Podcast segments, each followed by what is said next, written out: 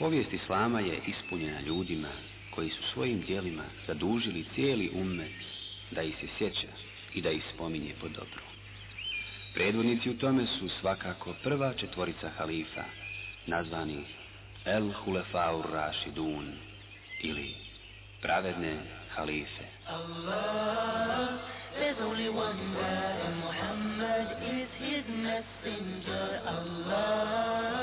la ilaha illallah.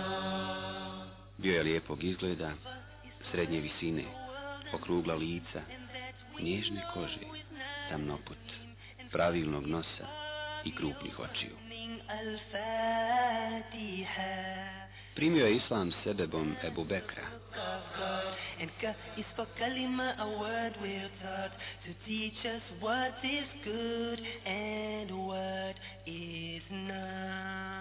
A Iša radijallahu anha kaže da je poslanik alaihi salam pokrio dio svoje noge odjećom od stida prema Osmanu, te je rekao, zar da se ne stidim čovjeka koga se stide meleki. Osman Bijaše, treći halifa iz kruga pravednih halifa. Puno ime mu je Osman ibn Afan, ibn El As, ibn Umeje, ibn Abdušems, ibn Abdumenaf, ibn Kusaji. Rodio se u Tajfu 47. godine prije Hidže. Bio je rođak poslanika sallallahu alaihi ve sellem sa dvije strane. Njegova nana Bejda s majčine strane je bila kćerka Abdul Mutalibova, s druge strane je povezan s poslanikom sallallahu alaihi sellem preko pretka Abdul Menafa. Osman je rođen u bogatoj trgovačkoj porodici. Odrastanje u luksuzu i bogatstvu je svakako utjecao na karakterne crte njegove ličnosti. Bio je poznat po nježnosti i blagosti. Bio je nadaleko poznat njegov stid i njegov lijepi ahlak. Bio je učen čak i prije prihvatanja islama. Kada je Allah spustio objavu Njemu je tada bilo 34 godine. Ubrzo potom je primio islam i ubraja se među prve muslimane. Nikada se nije zanimao za razvratna djela njegovog naroda. Ono što je također izrazito karakteristično za njegovu ličnost je to da je imao prirodni prezir prema svađama, upotrebi sile ili bilo čega sličnog. Bio je lijepog izgleda, srednje visine, okrugla lica, nježne kože, tamnoput, pravilnog nosa i krupnih očiju. Primio je islam sebebom Ebu Bekra, a on sam nam priča svoju životnu priču.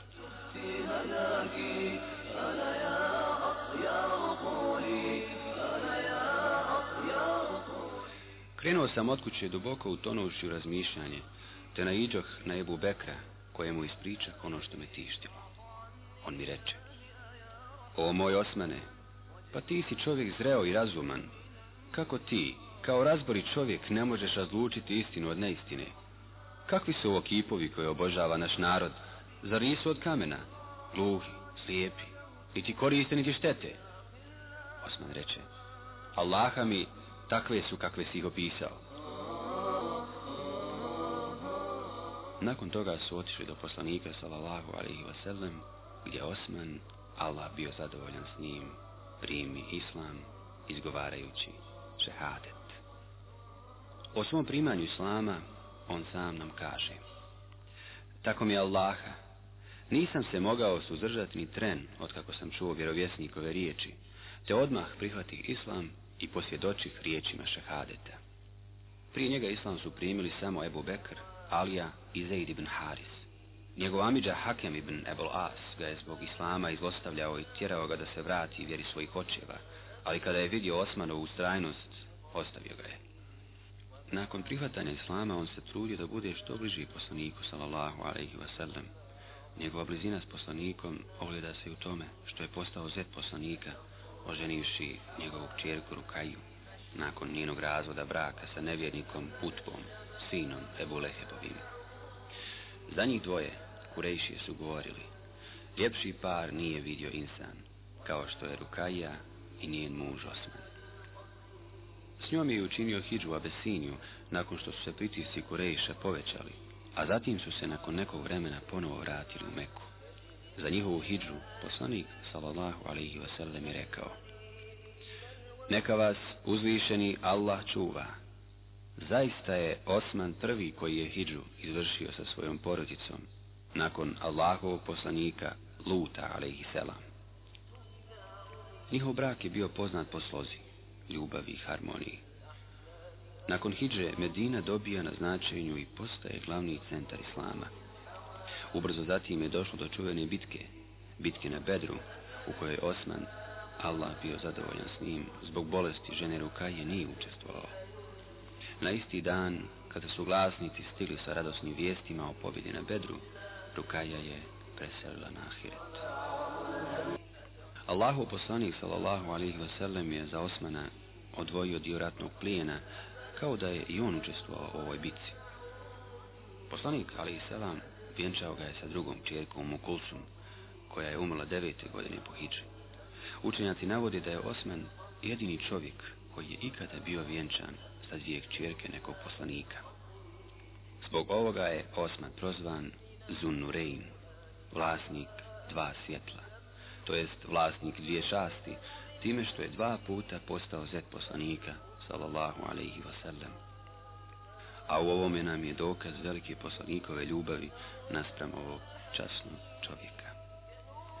Prenosi se od Nizala bin Sebre el Hilalija da je rekao Rekli smo Ali, radi Allahu anhu, vođo pravovjernih, pričaj nam o Osmanu ibn Afanu. On, Allah bio zadovoljan s njim, je rekao Prozvan je Osman na najvećim je stepenima. Srodio se s poslanikom sallallahu alaihi wasallam preko njegovih čeri i osigurana mu je kuća u džennetu. Osman radijallahu anhu je bio poslanikov i zaslanik u Meku za vrijeme događaja poznatog kao ugovor na Hudejbiji. Kurešije su uhapsilo Osmana, a do muslimana je došla vijest da je Osman ubijen. To je bio uzrok čuvene muslimanske prisege na smrt, a radi bitke protiv Kureša. Ovaj slučaj spominje i Allah svevišnji u Kur'anu. إن الذين يبايعونك إنما يبايعون الله يد الله فوق أيديهم فمن نكث فإنما ينكث على نفسه ومن أوفى بما عاهد عليه الله فسيؤتيه أجرا عظيما Oni koji su ti se zakljeli na vjernost, zakljeli su se doista na vjernost samom Allahu. Allahova ruka je iznad ruku njihovi. Onaj ko prekrši zakljetvu, krši je na svoju štetu. Ako ispuni ono na što se obavezao Allahu, on će mu dati veliku nagradu. Osman je bio nadaleko poznat po svojoj plemenitosti i darežljivosti. Kada su bile u toku pripreme za bitku na Tebuku, brojni ashabi dolaziše poslaniku sallallahu alaihi wasallam suznih očiju, u nadi da će im se naći kakva deva i oružja u želji da se uključe u borbu. Brojni od njih su vraćeni zbog oskutice koja je vladala. Poslanik sallallahu alaihi wasallam s Mimbera pozva ashabe da materijalno pomognu vojni pripreme. U toku vjerovjesnikova govora ustade Osman radijallahu anhu i uzviknu. Ja dajem stotinu deva sa svom njihovom opremom, o vjerovjesniče. Vjerovjesnik, sallallahu alaihi ve sellem, siđe za jednu stepenicu, pa pođe ponovo posticati na dijeljenje metka na Allahovom putu. Osman ponovo ustade i reče. Ja dajem još stotinu deva sa svom ratnom opremom, o vjerovjesniče. Poslanik se još za jednu stepenicu spusti, te opet pođe posticati na istu. Osman i treći put skoči i reče Ja dajem još stotinu deva, o Allahov poslaniće. Poslanik sallallahu alejhi ve tada rukama pokaza veliko zadovoljstvo sa Osmanovim postupkom i reče: Od današnjeg dana Osman šta god da uradi, ništa mu neće naškoditi. Kada je vjerovjesnik sallallahu alejhi ve sellem sišao s minbera, Osman odmah ode kući i posla hiljadu zlatnika. A kad to blago istresuše pred poslanika, on ga stade prebacivati iz ruke u ruku, govoreći Neka ti Allah oprosti sve što si učinio i javno i tajno, o Osmane, i neka ti oprosti sve što učiniš dok si god živ.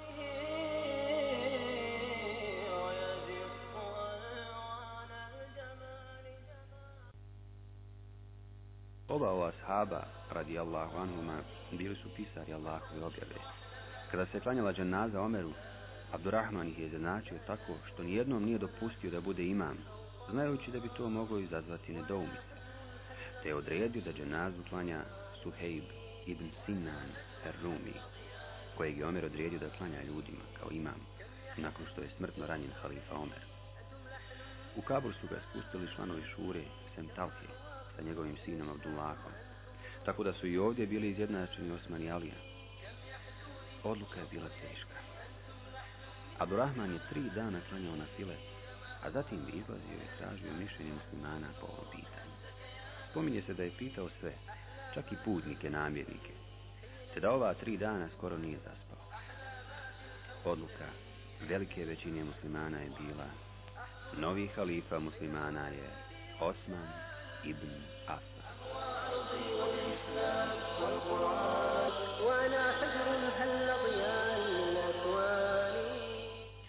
Kada je odluka donesena, muslimani su se iskupljali u mesčidu da bi dali prisegu halife. Nakon ovoga, Osman radijallahu anhu im se obraci prigodnom hudbom u kojoj je rekao Vi ste u kući prolaznosti. Nadmećite se u dobru koliko možete do kraja života.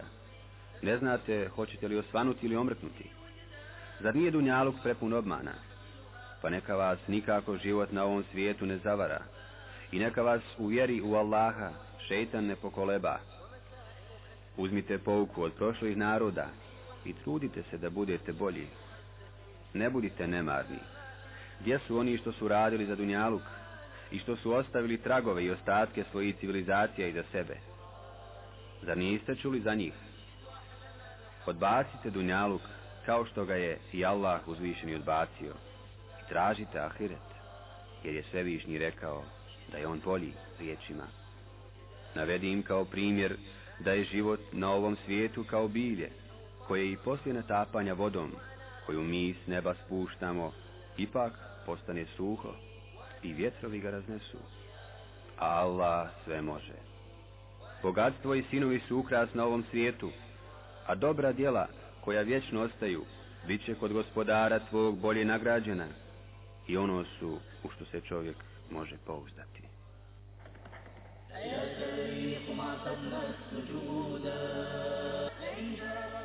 U toku vladavine Osmana radijallahu anhu nastavljen je proces svestranog jačanja mlade islamske države.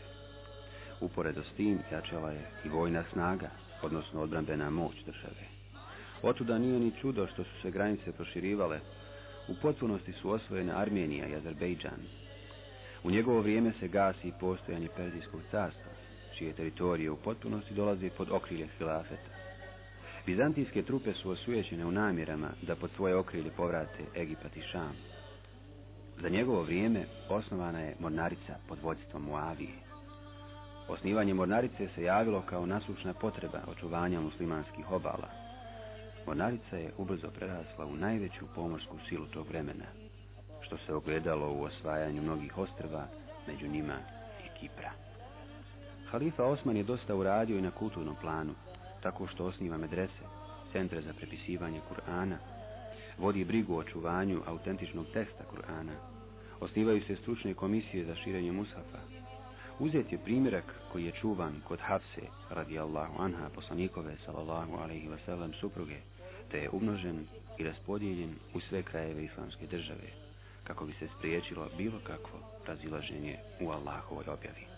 Kao što vidimo, vanjsku politiku Osma radijallahu anhu je nastavila širi istom snagom kao i Omer. Međutim, na unutrašnjem planu se javiše razne razilaženje i nezadovoljstva. Tako se jedna skupina potpuno odmetnu i poče širiti razne laži o Osmanu i njegovoj vladavini.